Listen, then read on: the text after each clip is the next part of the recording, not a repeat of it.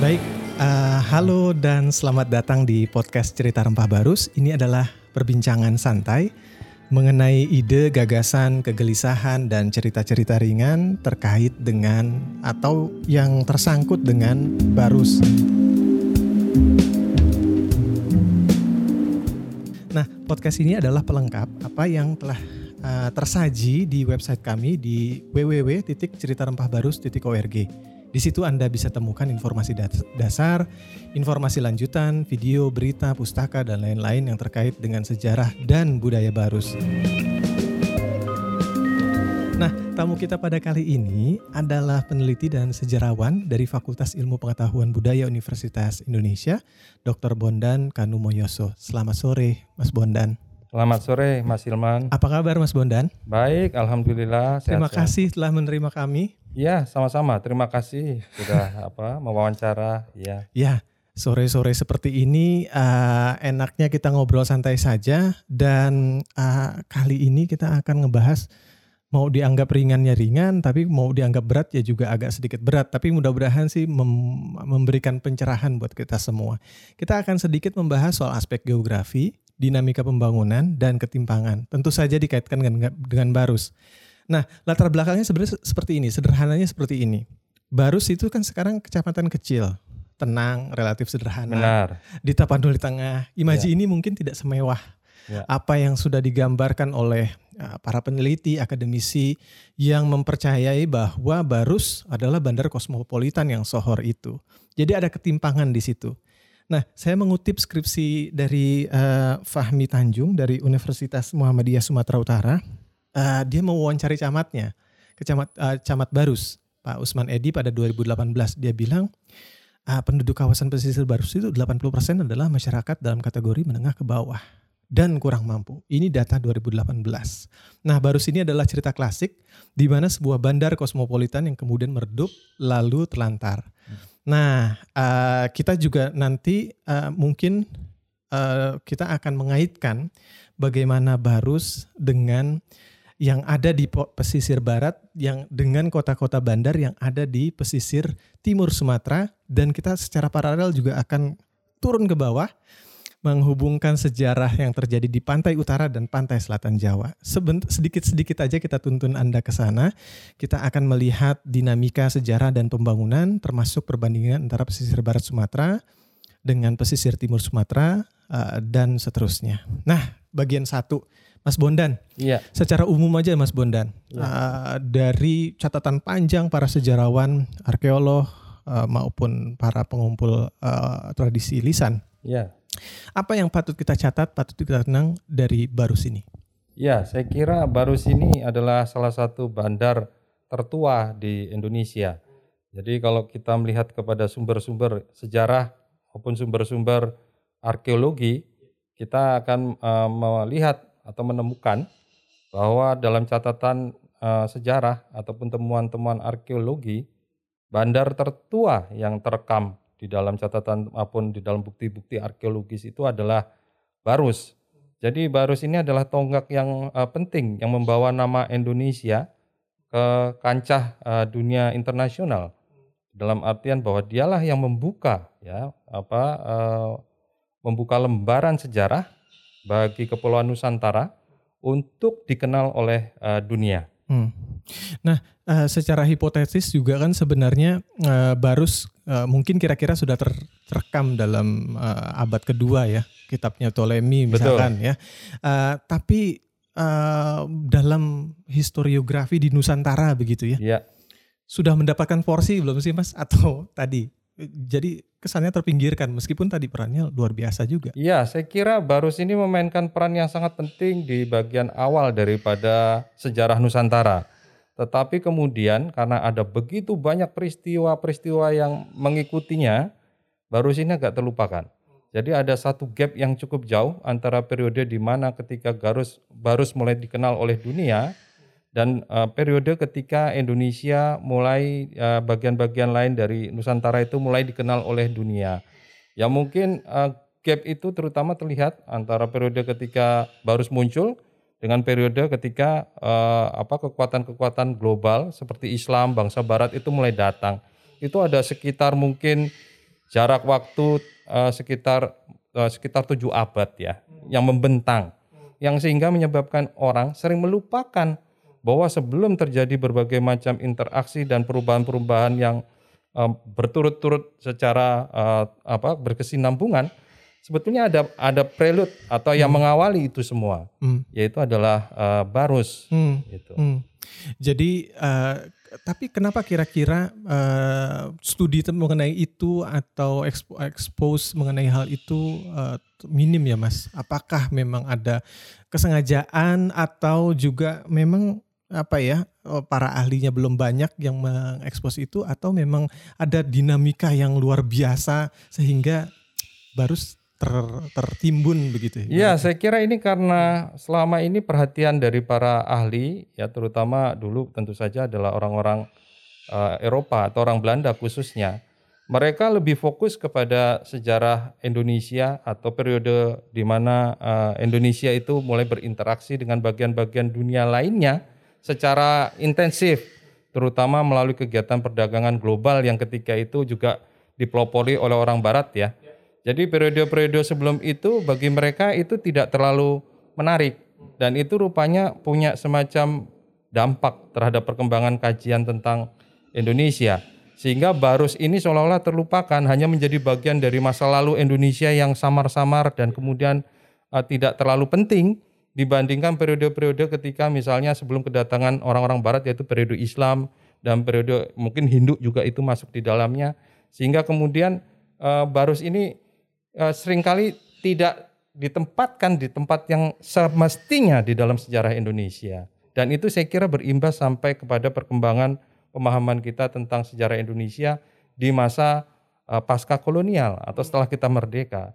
Dan kita masih mewarisi sudut pandang perspektif yang melihat ya begitu bahwa sejarah Indonesia itu terbentuk misalnya dalam lapisan-lapisan atau layer-layer yang diawali dengan apa uh, kedatangan orang-orang Hindu memperkenalkan agama uh, Hindu, Buddha, budaya India dan kemudian juga orang-orang uh, Cina begitu ya, orang barat.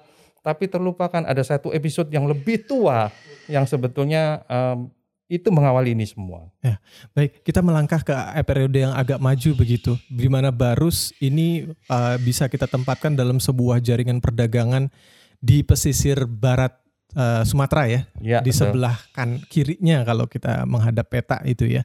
Di situ sebenarnya udah ada Singkil, Baru, Sibolga, betul. Padang sampai Bengkulu sana. Dan kalau semalam saya baca, oh ternyata dinamikanya luar biasa juga ya. Betul. Tapi uh, mungkin Mas Bondan bisa memberikan sedikit kuliah dalam tanda kutip iya. begitu pengantar bagaimana peranan sudut atau sisi barat Sumatera ini dalam periode awal antara uh, kedatangan barat sampai mungkin abad ke-18 abad ke-19 begitu Mas Bondan. Iya, saya kira periode barat ini memang menjadi wilayah yang pertama-tama dikenal dari Pulau Sumatera kepada dunia ya. Bahkan ini kawasan pertama ya. Iya, sebetulnya ya? dia adalah hmm. kalau kita melihat kepada peta itu semacam halaman muka dari Kepulauan Nusantara karena dia langsung berhadapan dengan Samudra, Samudra Hindia. Hindia. Dengan hmm. sendirinya bahwa kegiatan perdagangan dan lalu lintas kegiatan maritim pertama-tama itu justru uh, menyentuh wilayah pantai barat Sumatera. Jadi dengan demikian menjadi wajar ya bahwa Barus dengan komoditi unggulannya berupa getah dan juga berbagai macam apa uh, hasil hutan yang lain itu kemudian menjadi cepat dikenal oleh eh, para pedagang ataupun eh, kegiatan maritim yang ketika itu sangat eh, dinamis dia di Samudra Hindia. Jadi dengan demikian inilah yang menyebabkan wilayah ini sebetulnya sebelum era perdagangan rempah-rempah adalah bagian yang sangat krusial atau strategis ya di dalam apa menghidupkan ya kegiatan maritim yang menghubungkan Kepulauan Nusantara dengan wilayah-wilayah lain di dunia. Nah, tetapi kemudian kan ada berbagai macam perubahan-perubahan yang terjadi, terutama sejak kedatangan para uh, orang-orang apa pedagang uh, Eropa yang kemudian mengembangkan berbagai macam kolonialisme di wilayah Asia Tenggara. Dan kemudian mereka mengubah pola daripada apa uh, barang-barang yang dibutuhkan di pasaran dunia yang tadinya adalah komoditi-komoditi yang banyak dihasilkan di pantai barat Sumatera, tapi kemudian lebih berfokus kepada wilayah Indonesia Timur, di abad 17-18 dan kemudian di abad ke-19 eh, dan awal abad 20 itu di Jawa. Dan ketika itulah Barus kemudian menjadi semakin terlupakan beserta seluruh uh, wilayah yang ada di pantai barat Sumatera. Hmm. Nah, ke, uh, pesisir barat Sumatera ini kemudian kan uh, kalah nih namanya dengan iya. pesisir ya. timur ya, ada Betul. Malaka, ada Palembang, Sriwijaya dan seterusnya begitu Betul. ya, uh, uh, Mas uh, Bondan. Nah, uh, kalau uh, kita ingin membandingkan antara uh, pesisir barat dengan pesisir timur itu bagaimana ya Mas Bondan ya? Apakah uh, apa perbedaannya? Apakah semata-matanya game changernya adalah si pengaruh barat atau memang ada dinamika yang lain yang harus kita hitung? Iya, selain masalah yang berkaitan dengan pengaruh dari luar, tentu saja ya. dinamika internal juga terjadi. Jadi ada dugaan di sekitar abad ke-11 begitu ya. Hmm. Itu masyarakat di Barus, Barus itu diperkirakan wilayahnya itu sebetulnya adalah lebih luas daripada kecamatan sekarang. yang ada sekarang. Hmm. Jadi dulu itu kemungkinan ini adalah sebuah kerajaan yang meliputi sebagian besar lah dari pantai barat Sumatera bagian utara hmm. yang kemudian uh, sangat hidup ya dengan berbagai aktivitas ekonomi, uh, kegiatan budaya dan kegiatan keagamaan dan segala macam aktivitas yang lain yang uh, memang dihidupkan oleh kegiatan perdagangan maritim. Tapi kemudian mungkin terjadi satu dinamika internal ataupun eksternal yang menyebabkan terjadi eksodus. Jadi diperkirakan penduduk yang dulunya memukimi daerah itu itu sekitar abad ke-11 itu mereka uh, berpindah ke tempat-tempat lain. Nah, sampai sekarang belum ditemukan penjelasan yang apa uh, bisa diterima karena tidak ada atau kurangnya bukti-bukti yang bisa menjelaskan hal itu yang me, apa me, uh, menceritakan ya kenapa yang menjadi penyebab ya dari eksplanasi yang menjelaskan orang-orang Barus atau penduduk Barus yang sebelumnya itu bermukim di wilayah itu kemudian uh, keluar dari wilayah itu dan meninggalkan tempat itu dan kemudian tempat itu seperti seolah-olah uh, dilupakan, dihilang, hilang ya, begitu ya, ya hilang begitu, hmm. itu. Nah itulah yang kemudian sampai hari ini mestinya uh, kita uh, apa mencari berbagai macam bukti yang bisa menjawab pertanyaan-pertanyaan yang sangat fundamental ini, yang kemudian menyebabkan Barus itu seperti tenggelam di dalam apa historiografi kita. Nah uh, ini arahnya ke geografi mas. Ya. Kan pesisir uh, tadi istilahnya menarik juga halaman muka sebenarnya itu pesisir barat Betul. begitu ya, yang langsung menyambut pedagang India, Arab, uh, Eropa dan seterusnya begitu.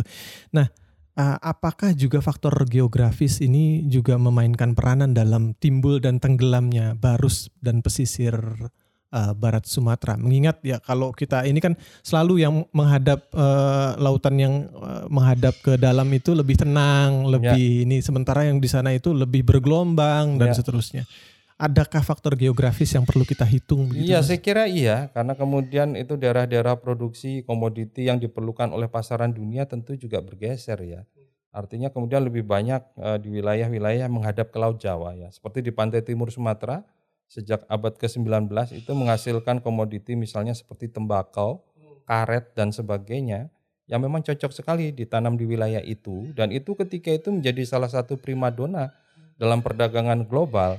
Jadi karena aspek-aspek keunggulan geografi wilayahnya yang sangat cocok untuk ditanami tanaman-tanaman komoditi, ya komoditi yang kemudian sangat diperlukan di era revolusi industri karena ini satu periode yang memang memerlukan bahan baku yang berbeda dengan periode-periode sebelumnya. Ya kita tahu bahwa karet itu adalah bahan utama untuk membuat berbagai macam barang-barang industri ya seperti ban mobil, ban motor dan sebagainya, sepeda dan lain-lainnya. Dan sementara tembakau ini adalah sebuah komoditi baru yang muncul sejak terjadinya kolonialisme di benua Amerika dan ternyata sangat cocok ditanam di pantai timur Sumatera. Nah ini yang menyebabkan kemudian terjadilah perubahan tren yang dipicu oleh potensi alam. Artinya potensi alam di wilayah barat Sumatera yang memungkinkan dia untuk menjadi daerah perkebunan komoditi-komoditi unggulan di dunia ketika itu menyebabkan eh, secara bertahap orang itu meninggalkan pantai barat Sumatera dan lebih fokus untuk mengembangkan uh, wilayah pantai timur. Hmm. Mas, ada juga faktor uh, di Sumatera itu kan dibelah oleh uh, Bukit Barisan ya, Betul. banyak sekali gitu. Yeah. Dan ini membelah uh, tidak equal, tidak tidak rata sebenarnya. Di sebelah barat itu lebih lebih apa? Lebih pendek uh, ininya sehingga membentuk sungai yang lebih curam, lebih tajam dan kecil-kecil. Sementara yang di pantai timur lebih lebar dan karena itu hubungan antara pedalaman dengan laut pesisir jadi lebih intens begitu ya. Betul. ya.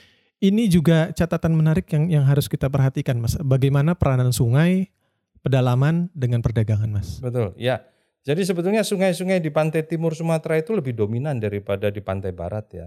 Karakteristik pantai barat itu daerah gunung-gunung, jadi penghasil komoditi yang berasal dari hutan, begitu ya. Hutan dan daerah pedalaman, getah apa begitu ya. Tetapi sementara di daerah uh, pantai barat, sungai itu menjadi semacam jaringan. Jadi semacam network apa uh, untuk transportasi uh, ataupun untuk berbagai macam komoditi dan manusia dan segala macam. Sehingga dengan perbedaan karakteristik ini, potensi dan kemudian juga kemungkinan untuk berkembang sebetulnya lebih terbuka untuk wilayah pantai timur yang memang dialiri oleh banyak sungai sehingga akses ke wilayah pedalaman jauh lebih uh, mudah daripada pantai uh, barat. Nah, pantai barat itu hanya bisa dilalui dengan uh, berjalan kaki ya. Kalau kita ingat ini periode sebelum revolusi industri paling mudah juga mungkin pakai kuda. Begitu ya. Sehingga ini menyebabkan berbagai macam kendala ya di dalam transportasi komoditi. Sehingga komoditi tidak bisa diangkut dalam jumlah yang masif. Agak berbeda dengan pantai timur di mana sungai-sungai itu banyak dan ada banyak yang sungai-sungai berukuran besar sehingga itu menjadi uh, wahana transportasi yang memudahkan untuk mengangkut komoditi daerah dari daerah pedalaman ke kota-kota pesisir yang kemudian bisa mengangkut ke tempat-tempat lain di seluruh Asia dan dunia. Hmm, ya. Dari segi geopolitik, Mas, kalau di pesisir barat Sumatera itu kan langsung berhadapan uh, dengan Cina begitu ya, Betul. kekuatan yang major juga saat itu. Sementara di pes, di pe, eh sorry pesisir barat itu berhadapan dengan India dan seterusnya Betul. begitu ya. Dari segi geopolitik apakah ini juga menguntungkan tidak menguntungkan buat pesisir timur begitu Mas? Ya, saya kira kalau dari segi geopolitik sebelum kedatangan bangsa barat iya. Karena yang ketika itu dominan adalah para pedagang dari India dan kemudian juga sebelum-sebelumnya lagi sih mungkin pedagang dari seluruh berbagai penjuru dunia karena Ptolemei kan orang orang orang Yunani. Nah, tetapi kemudian uh, setelah munculnya kekuatan uh, Asia Selatan dengan ke, apa agama Hindu dan Budanya, tentu wilayah ini lebih lebih mudah aksesnya ke apa arah Samudra Hindia. Demikian juga dengan periode Islam ya. Pedagang Islam itu membentuk satu jaringan perdagangan Islam dengan komoditi utama rempah-rempah ya sebelum kedatangan bangsa barat. Tapi setelah kedatangan bangsa barat terjadi perubahan, perubahan pola pertumbuhan ya dan jaringan maritim karena ketika itu terutama setelah Belanda itu membuka uh, apa markas besar ataupun uh, pusat kegiatan mereka di Batavia, itu kemudian orang-orang dari eh, arah Eropa ataupun Asia eh, Barat itu terutama kapal-kapal Belanda sih, itu kalau mereka berlayar mereka tidak lagi melalui pantai barat, tapi langsung masuk ke Selat Sunda dan eh, apa berlabuh di Batavia sebelum melakukan kegiatan di tempat-tempat lain di seluruh Nusantara. Tetapi pantai barat itu tidak terlewati. Sehingga karena itulah untuk periode-periode terutama setelah abad 18 mungkin ya, itu pantai barat seperti terlupakan sampai hari ini. Sampai hari ini. Iya, betul. Baik. Nah, uh, kita sepertinya sudah me, apa ya, sedikit sedikit banyak sudah mencuplik apa ya sebenarnya yang terjadi dengan uh, pantai barat dan pantai timur Sumatera. Nah, saya ingin mirroring itu kok situasi itu antara pesisir barat Sumatera dan timur Sumatera yang menghadap uh, Samudra Hindia dan uh, apa laut yang Indonesia dengan yang ada di Pulau Jawa. Pulau yeah. Jawa juga kan sebenarnya juga begitu ya Mas. Ya? Betul, betul. Di selatan kita juga Cilacap mungkin satu-satunya wilayah yang yang yang masih bertahan mungkin sampai sekarang ketimbang yeah. Pantai Utara. Nah, eh, kalau di Jawa bagaimana situasinya? Yeah, Apakah saya, juga seperti itu? Saya kira Jawa itu uh, uh, kontras alamnya lebih besar daripada Sumatera ya. Karena di Jawa antara pantai utara dan pantai selatan itu karakteristiknya berbeda diametral ya. Pantai selatan itu berombak besar dan langsung menghadap samudera luas yang tidak apa eh, ada apa batas-batas bagian selatannya karena paling selatan tentu saja kutub selatan. Jadi orang harus berbelok ke kiri ke arah Australia atau ke kanan ke arah samudera uh, Hindia. Jadi karena itulah aksesnya sangat sulit untuk di untuk dicapai. Dan untuk kegiatan perdagangan sama sekali tidak strategis karena sukar sekali membangun satu pelabuhan yang cukup uh, aman dan juga kemudian juga bisa diakses oleh uh, para pedagang sekitarnya. Karena wilayah ini juga sungai-sungainya kecil, yang bermuara ke arah selatan kan hampir nggak ada. Beda dengan pantai utara, seperti juga di uh, Sumatera Timur, yang banyak dialiri oleh sungai dari pedalaman ke arah pesisir. Dari sejak wilayah Priangan, kita tahu ada sungai Ciliwung, ya, hmm. ya, ada banyak sungai Cimanuk, yang sungai ya. Citarum, hmm, Citarum, ya Cisadane, hmm. semuanya mengalir dari bagian tengah Pulau Jawa ke arah utara. Dan ini sungai-sungai yang cukup besar. Dan kalau kita bicara tentang Jawa Tengah, ada sungai Bengawan Solo yang juga mengalir ke arah utara dan juga ada sungai Berantas di Jawa Timur. Jadi dengan demikian terlihat betul ada perbedaan karakteristik yang sangat mencolok ya. Dan sementara pantai utara itu lautnya relatif lebih tenang dan kemudian eh, daerah-daerahnya banyak yang sangat strategis untuk dibangun menjadi eh, pelabuhan karena berupa teluk seperti di Jakarta, di Cirebon, di Semarang, di Tubon, di Banten, termasuk Surabaya. Ini daerah-daerah yang terlindung dan secara natural atau alami memang pelabuhan alam yang sangat sangat uh, cocok untuk digunakan untuk kegiatan apa perdagangan maritim ya. Jadi dengan demikian melihat karakteristik ini secara uh, natural atau secara alami memang wilayah selatan Jawa itu adalah wilayah karakteristiknya wilayah pedalaman, hinterland. Walaupun dia berada di pesisir, tapi karena aksesnya yang susah untuk dicapai melalui laut, sehingga dia menjadi wilayah pedalaman. Sedangkan wilayah utara itu memang daerah pesisir. Maka di dalam sejarah Jawa, yang disebut pesisir itu, itu selalu, selalu pesisir utara, tidak pernah selatan. Kalau Lumbung Selatan nih. itu ada ada pantainya juga, tapi hmm. bagi orang Jawa, wilayah Jogja, wilayah uh, seperti apa ke, uh, Kediri sampai ke Malang sana, itu adalah wilayah pedalaman. Bukan daerah bukan daerah pesisir, beda dengan Semarang, beda dengan Cirebon, beda dengan uh, Jakarta, Banten, Surabaya. Meskipun sama-sama di dekat uh, laut ya. Kalau kita lihat Jogja aksesnya ke laut nggak beda jauh misalnya sama Jakarta, bahkan mungkin lebih dekat daripada uh, daerah inti kota Jakarta. Tapi kalau kita bicara tentang karakteristik wilayahnya, di sana sangat kuat bercorak pedalaman. Ya, budayanya pun budaya pedalaman, bukan budaya pesisir. Karena memang kehidupan maritimnya tidak hidup. Iya, itu ya bahkan sejak sejak alam pikiran itu sudah gak kepikiran kebudayaan maritim begitu ya meskipun dari barangnya ada di depan mata nih lautnya ada di depan mata ya, ya. tetapi tidak lautnya pun ya. berbeda karena itu hmm. laut dalam ya hmm. laut dalam yang kemudian juga punya tingkat apa uh, apa bahaya yang lebih tinggi daripada laut Jawa yang secara uh, natural itu dangkal dan tidak berombak besar nah kalau di selatan itu semua yang hal yang dianggap apa menakutkan itu direpresentasikan oleh Laut Selatan bagi orang Jawa, entah itu dari Jawa bagian barat sampai Jawa bagian timur. Sehingga simbol-simbol yang berkaitan dengan hal-hal yang tidak diketahui dan yang apa serba apa e, di luar kuasa manusia itu selalu diasosiasikan dengan penguasa Laut Selatan yang memang itu tidak bisa ditaklukkan oleh orang Jawa. Itu ratu ya, pantai selatan ratu itu ya. selatan atau Nyai Roro, Nyai Roro Kidul, Kidul. di Jawa Barat dan berbagai macam apa Eh, kisah-kisah atau mitos yang hidup di dalam masyarakat. Karena orang Jawa tidak bisa uh, mengakses wilayah uh, Laut Selatan ini dengan baik sehingga kemudian mereka membangun berbagai macam kisah dan cerita untuk memberikan penjelasan ya kenapa kita tidak bisa mengakses ke sana. Karena di sana ada penguasanya begitu. Ya, yang di yang kemudian semua termanifestasi dalam mitos-mitos tadi. Nah, ya. tapi yang menarik juga Belanda ini berusaha juga nih sebenarnya ya. menghidupkan pantai selatan itu sebagai jaringan niaganya, Mas. Ya. Bisa diceritakan sedikit mengenai ya. episode ini? Ya, saya kira pernah mereka coba ya, tetapi kemudian itu menemui berbagai macam kendala karena memang secara alam alami itu sukar untuk dibuka.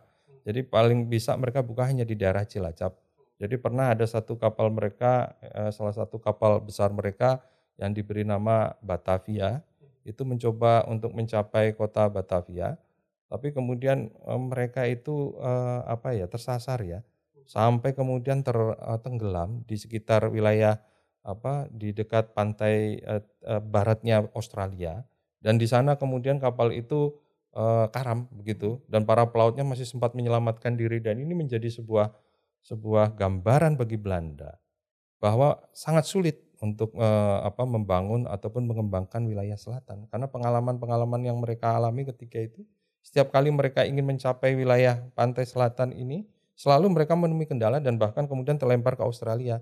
Ya ini karena cuaca yang memang sangat ekstrim di wilayah itu dengan ombak yang sangat kuat sehingga upaya-upaya mereka hanya terhenti dan terbatas di wilayah Cilacap saja. Hmm. Tapi ini pun gagal percobaan Betul. untuk membuat Cilacap hmm. hmm. menjadi sebuah kota pelabuhan hmm. itu ternyata tidak ke mana-mana karena aksesnya dari mana-mana sangat sulit dan kemudian juga tidak ekonomis dan hmm. tidak efisien karena harus menempuh jarak yang sangat jauh Betul. untuk bisa mencapai kota pelabuhan yang terdekat. Gitu. Muter-muter begitu Betul, ya. ya itu dia. Uh, Mas, tapi kalau begini kan jadinya kayak seperti dikutuk untuk gagal begitu ya berada di pinggiran samudra atau lautan lepas itu jadi semacam ini.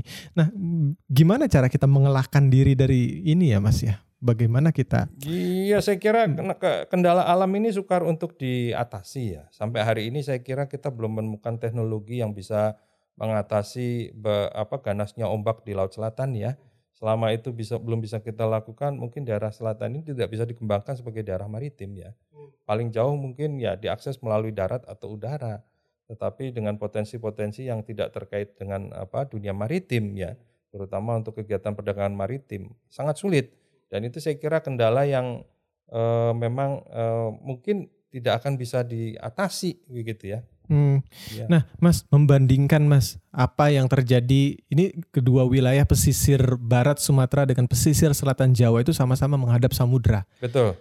Tapi kalau mau membandingkan bagaimana Mas? Ya, Apakah ya, saya kira bagaimana? jauh lebih terakses wilayah sisi barat Sumatera karena eh, sisi barat Sumatera itu bagian daripada dunia maritim Samudra Hindia. Sementara di selatan itu bukan bagian dari dunia maritim apa pun sehingga untuk mengembangkan wilayah itu tentu saja perlu effort yang sangat sangat uh, kuat untuk menjadi bagian daripada jaringan maritim karena dia tidak menghadap ke wilayah yang uh, juga punya kehidupan maritim yang uh, dinamis. Beda dengan pantai barat uh, Sumatera. Meskipun terlupakan, tapi dia punya potensi untuk dihidupkan lagi karena dia berada di uh, hadapan atau di pinggir paling uh, timur dari satu dunia maritim yang sangat hidup yaitu Samudra Hindia. Jadi kalau kita ingin menghidupkan pantai barat Sumatera itu sangat mungkin. Masih sangat mungkin. Sangat mungkin. Tapi menghidupkan pantai selatan Jawa rasanya tidak akan banyak manfaatnya karena memang jauh dari mana-mana. Gitu. Ini ya ini yang disediakan pelajaran sejarah sebenarnya ya. Ya, ya, ya betul. Tapi juga apa yang uh, ada di catatan sejarah di buku-buku sejarah kan biasanya terefleksi juga dalam pembangunan fisik, pembangunan betul. manusia dan seterusnya. Nah, adakah kalau menurut pengamatan Mas Bondan ini disparitas antara pembangunan baik fisik maupun manusia di pesisir barat yang menghadap ke uh, lautan Indonesia dengan uh, yang di pesisir yang menghadap uh, samudra itu ada perbedaan nggak mas? Terefleksi nggak sih? Berbanding lurus nggak sih catatan sejarah dengan pembangunan di kawasan tersebut? Ya ini yang agak unik ya. Meskipun selatan itu menghadap ke satu wilayah yang tidak terakses secara maritim ya, tapi catatan sejarahnya cukup lengkap ya. Hmm. Karena di Jawa misalnya itu kekuatan-kekuatan politik yang utama itu sebetulnya ada di wilayah pedalaman. Hmm. Dan kalau kita bicara pedalaman sebetulnya di pantai selatan bukan di pantai utara terutama wilayah kerajaan Mataram, ya, Mataram Islam setelah uh, dari Demak itu mereka bergerak ke arah lebih ke tengah Pajang sebelum akhirnya menetap di Mataram yang kita kenal sekarang sebagai wilayah Jogja dan Solo. Nah, di situlah sebetulnya daerah inti daripada budaya Jawa, sehingga kemudian catatan sejarah dan juga mungkin perkembangan sejarah banyak terjadi di wilayah itu. Jadi ini nggak identik dengan perkembangan dunia maritim. Jadi wilayah selatan ini terutama di bagian tengah hmm. itu sangat sangat-sangat dinamis, uh, dinamis kaya ya. sangat ya? kaya dengan catatan. Hmm. Dan ini saya kira serupa dengan wilayah barat pantai barat Sumatera, mungkin bukan di Barus, tapi di Sumatera Barat. Ya, wilayah ini punya uh, karakteristik yang sangat unik ya dengan uh, apa uh, kekuatan sumber daya manusia yang luar biasa. Mereka adalah para uh, apa uh, perantau ya, melakukan diaspora ke seluruh penjuru Indonesia dan dunia untuk mendapatkan berbagai macam akses terhadap uh, apa kegiatan ekonomi, terhadap eh, berbagai macam aktivitas sosial dan juga dalam dunia politik dan juga dalam dunia pengetahuan. Sehingga wilayah ini juga terekam dengan baik ya. Pantai barat Sumatera terutama di wilayah Sumatera Barat. Saya kira salah satu yang terbaik catatan sejarahnya itu justru ada di pantai barat Sumatera dibandingkan Sumatera Timur ya, terutama di wilayah Sumatera Barat dan juga uh, uh, di Jawa itu justru di uh, selatan yaitu di wilayah uh, Jawa bagian tengah selatan itu yang kita punya catatan historiografi yang luar biasa lengkapnya kalau kita compare dengan wilayah lain. Jadi catatan sejarah dan pembangunan perkembangan apa eh, dinamika uh, uh, manusianya itu berbanding terbalik ya hmm, dengan berbanding terbalik dengan, ya. dengan aktivitas maritimnya. Hmm. Nah ini yang unik daripada sejarah Indonesia. Jadi ke, kekosongan ataupun uh, apa ketertinggalan di bidang uh, kegiatan perdagangan dan aktivitas maritim yang lain hmm. itu tercover hmm. dengan berbagai macam dinamika yang terjadi ya hmm. dalam bidang politik ataupun dalam apa uh, pembangunan uh, manusianya. Hmm. Karena wilayah-wilayah ini justru yang paling menonjol ya kalau hmm. dibandingkan wilayah lain di Indonesia. Ini yang juga sangat menarik buat pikiran kita semua begitu yeah. ya. Kenapa bisa terjadi seperti itu begitu ya. Yeah. Tapi Mas Bondan, ini kita beralih ke pesisir secara umum. Yeah. Pesisir secara umum kan tetap aja meskipun pantura pantai utara Jawa itu dikatakan maju begitu, tapi tapi tetap saja kantong-kantong kemiskinan banyak oh, yeah, sekali yeah, bahkan betul. sampai sekarang. Iya yeah, betul. Begitu. Dan pesisir secara umum nggak tahu nih bagaimana menurut uh, pengembangan pesisir bagaimana menurut Mas Bondan apakah memang tadi terjadi apa diskriminasi atau lebih oh. mementingkan yang daratan oh. yang lebih ke dalam atau memang bagaimana Mas? Iya sepanjang sejarah Indonesia sebetulnya segala perubahan itu datangnya dari pesisir selalu seperti itu karena itu pusat daripada interaksi ya antara orang Indonesia dengan eh, kekuatan-kekuatan uh, yang datang dari luar Nah, tetapi kemudian pesisir juga dianggap sebagai ancaman. Jadi ada kontradiksi ya bagi orang Indonesia Tarik dalam menarik ya, ya melihat pesisir ya.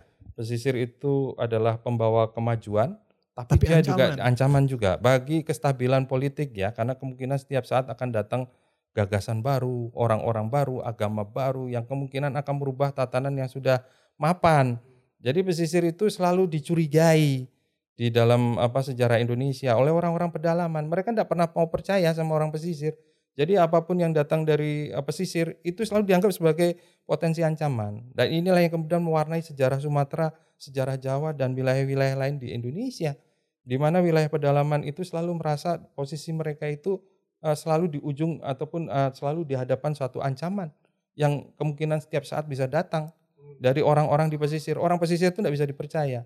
Orang pesisir itu tidak punya aturan. Orang pesisir itu tidak punya adat licik, dan nggak punya ya? iya karena mereka itu terbuka sama semua orang dan mereka itu memandang semua orang sama. Padahal menurut orang pedalaman ya semua itu ada tatanannya, ada aturannya, ada sistemnya yang seharusnya dihormati. Sementara orang pesisir cenderung untuk mengubah tatanan, mengubah sistem dan memperbaharui semuanya. Jadi ada semacam dikotomi di dalam sejarah Indonesia yang tidak terkatakan antara pedalaman dan pesisir. Dan saya kira ini terabadikan atau terawetkan di dalam karya-karya akademis maupun itu di bidang arkeologi, di bidang sejarah, di bidang antropologi, dan bidang-bidang ilmu sosial yang lain. Itu tidak dinyatakan secara eksplisit, tapi kalau kita baca kita akan merasakan adanya suasana yang uh, sifatnya dikotomi antara pedalaman dan pesisir. Dan pesisir ini memang walaupun dikatakan sebagai pintu gerbang untuk masuknya berbagai macam pengaruh, dia juga menyimpan berbagai macam masalahnya tersendiri. Karena kemudian ada berbagai macam hal yang terjadi yang kemudian menyebabkan ada banyak ketimpangan. Nah, terutama ini terjadi sejak uh, pesisir dikuasai oleh kekuatan barat ya. Hmm. Dan sejak itulah orang Indonesia beranggapan bahwa nilai-nilai yang baik dan nilai-nilai yang uh, mulia itu ada di pedalaman atau di darat. Hmm. Dan ini terrepresentasikan paling jelas di dalam pemerintahan Orde Baru atau Pak Harto yang menganggap Indonesia adalah negara agraris.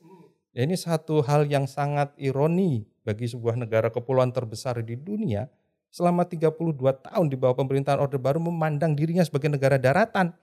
Saya tidak melihat ironi yang lebih tajam daripada itu sehingga kita memprioritaskan kegiatan pertanian dan kegiatan-kegiatan yang bertumpu kepada aktivitas di daratan daripada memperhatikan potensi maritim yang memang sebetulnya menjadi karakteristik orang Indonesia. Hmm. Dan ini yang menjadi penyebab kenapa kemudian pembangunan lebih banyak dipusatkan di wilayah pedalaman ya khususnya di kota-kota, bukan di daerah pesisir, begitu ya. Dan kemudian pesisir itu menjadi daerah kantong kemiskinan. Nah, inilah yang kemudian menjadi apa kendala bagi kita sampai hari ini untuk memajukan pesisir karena mindset alam pikir dan kesadaran orang Indonesia masih melihat pesisir ataupun laut itu sebagai sesuatu yang mengancam. Ya, kalau kita melihat bahwa orang Indonesia itu meskipun itu adalah masyarakat maritim tinggal di pulau, tapi mereka tidak dekat dengan laut. Ya, ya kan kehidupannya nggak terlalu terkait dengan laut. Dari pola makannya, cara dia memandang laut, cara dia menghabiskan waktu, semuanya itu terfokus ke daratan. Karena sekian lama laut itu didominasi oleh kekuatan asing, oleh sesuatu yang datang dari luar, oleh sesuatu yang dipandang mengancam, sehingga kita merasa lebih aman untuk beraktivitas dan melakukan berbagai macam apa yang ingin kita wujudkan itu di daratan, sehingga terlupakanlah itu pesisir dan laut, sehingga kemudian kita sampai hari ini itu sering kali melupakan ya bahwa pesisir itu sebetulnya adalah potensi yang luar biasa. Mas, kita sudah menanggung apa yang sudah kita lakukan dulu-dulu begitu ya membelakangi memunggungi laut itu sekarang sudah kita nikmati akibatnya begitu Betul. ya nah dengan tadi memperhitungkan kelebihan, kekurangan, faktor alam, geopolitik dan uh, dinamika manusianya begitu. Strategi macam apa ya Mas yang bisa kita uh, apa? Yang bisa kita tempuh, yang bisa kita uh, paling enggak pokok-pokok atau prinsip-prinsipnya agar tadi disparitas antara pesisir uh, barat dan timur, utara dan selatan tidak terlalu dis, uh, apa tidak terlalu berbeda disparitasnya tidak terlalu tinggi dan antara pesisir dengan pedalaman juga tidak terlalu uh, apa uh, ber tidak terlalu timpang. Ya. Apa catatan pokok-pokok uh, strategi yang bisa kita? Iya, saya mas? kira ini bukan satu proses yang uh, cepat atau sederhana ya. Ini perubahan satu mindset ya alam pikir masyarakat Indonesia yang sudah terpola selama berabad-abad begitu sejak uh, menguatnya pengaruh uh, kolonialisme di Indonesia sehingga kita itu menjauhi laut begitu ya. Jadi untuk mendorong masyarakat untuk kembali ya dekat dan mencintai dunia maritim dan pesisirnya tentu perlu program-program ataupun kebijakan-kebijakan yang sangat fundamental dan selain itu juga perlu menghidupkan berbagai inisiatif dari stakeholders ya, pemangku kepentingan yang ada di dalam masyarakat untuk kembali menengok ataupun uh, berpaling ke laut ya dan terutama untuk melihat laut itu sebagai solusi bukan sebagai masalah. Nah ini saya kira salah satu strateginya dalam melalui pendidikan ya. Ini sangat fundamental saya kira karena kita menanamkan nilai-nilai dan pengetahuan itu melalui proses pendidikan. Jadi saya kira kesadaran tentang eh, kemaritiman itu perlu ditanamkan sejak anak-anak berusia muda.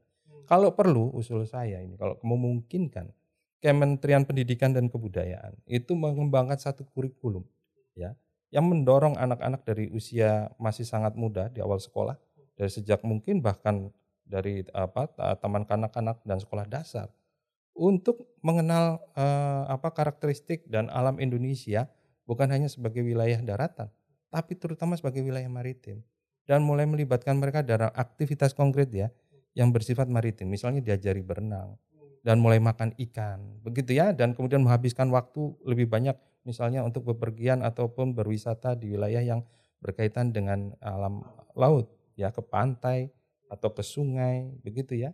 Atau kalau perlu malah pergi ya, ke laut naik kapal begitu ya. Karena saya yakin hampir mayoritas orang Indonesia itu jarang sekali pergi ke laut jarang sekali makan ikan uh, laut dan tidak suka pergi ke pantai lebih suka pergi ke gunung nah ini saya kira yang terekspresikan dalam kehidupan sehari-hari itu kemudian uh, apa menjadi semacam pola sikap dan uh, alam pikir ya. Nah ini perlu kita ubah. Strateginya saya kira melalui yang paling efektif jalur pendidikan. Jalur pendidikan ya, itu. Betul. Nah, eh, itu kan secara umum, Mas. Nah, ya. sekarang kita kembali lagi ke Barus ke titik mula obrolan kita yang pertama. Untuk baru sendiri, Mas Bondan ap apakah punya catatan khusus bagaimana untuk mengembangkan wilayah ini ya? Mengandalkan sejarahnya saja atau uh, apa yang harus kita lakukan berjejaring dengan tetangga-tetangganya atau bagaimana? Ya, saya kira potensinya tidak sebatas pada potensi kesejarahan ya. Wilayah ini sebetulnya masih strategis kok sampai hari ini Sebetulnya kalau ada inisiatif dari pemerintah untuk kembali membangun sebuah kota pelabuhan di pantai barat Sumatera di luar Padang, itu saya kira masih sangat mungkin ya untuk dikembangkan uh, menjadi uh, kota pelabuhan internasional. Dan ini saya kira bisa menjadi alternatif tujuan sebetulnya untuk mengakses Indonesia dan Asia Tenggara selain melalui Selat Malaka dan Selat Sunda. Kalau di situ dibangun sebuah kota pelabuhan dengan fasilitas yang lengkap, saya kira ya, Orang tidak perlu berlayar sampai ke Singapura ataupun sampai ke Jakarta dari arah uh, Samudra Hindia, cukup sampai di Barus dan kemudian didistribusikan. Nah itu sebetulnya potensi yang luar biasa karena posisinya yang sangat strategis, hmm. tepat di eh, depan pintu gerbang masuk ke Kepulauan Nusantara. Jadi bisa diakses melalui uh, laut untuk melanjutkan melalui Selat Malaka ataupun Selat Sunda, tetapi juga bisa masuk ke pedalaman Sumatera. Hmm. Nah kekuatan inilah yang perlu apa dielaborasi lebih jauh ya untuk uh, kemudian menghidupkan kembali Barus. Dan belum lagi potensi sejarah yang tadi disebut oleh Mas Ilman yang luar biasa. Dan saya kira itu sudah membuktikan sebetulnya ya bagaimana Barus itu sebetulnya bisa menghidupkan uh, pantai barat Sumatera, menghidupkan Sumatera dan bahkan Indonesia. Menarik sekali uh, yang terakhir itu bahkan bisa menghidupkan Indonesia. Mudah-mudahan tadi perannya juga sekarang kan ya sekarang boleh jadi kecamatan kecil ya. Betul Tapi 20-30 tahun yang akan datang mudah-mudahan bisa menghidupi Indonesia. Baik Mas Bundan, terima kasih. Terima kasih Mas Nurman. Bergabung bersama kami. Nah, uh, teman-teman, uh, saudara kita akan menutup perjumpaan kita pada edisi kali ini. Uh, seperti biasa, Anda bisa mendapatkan lebih banyak lagi informasi, video, berita, pustaka dan lain-lain yang terkait dengan sejarah dan budaya Barus di www.cerita-rempah-barus.org.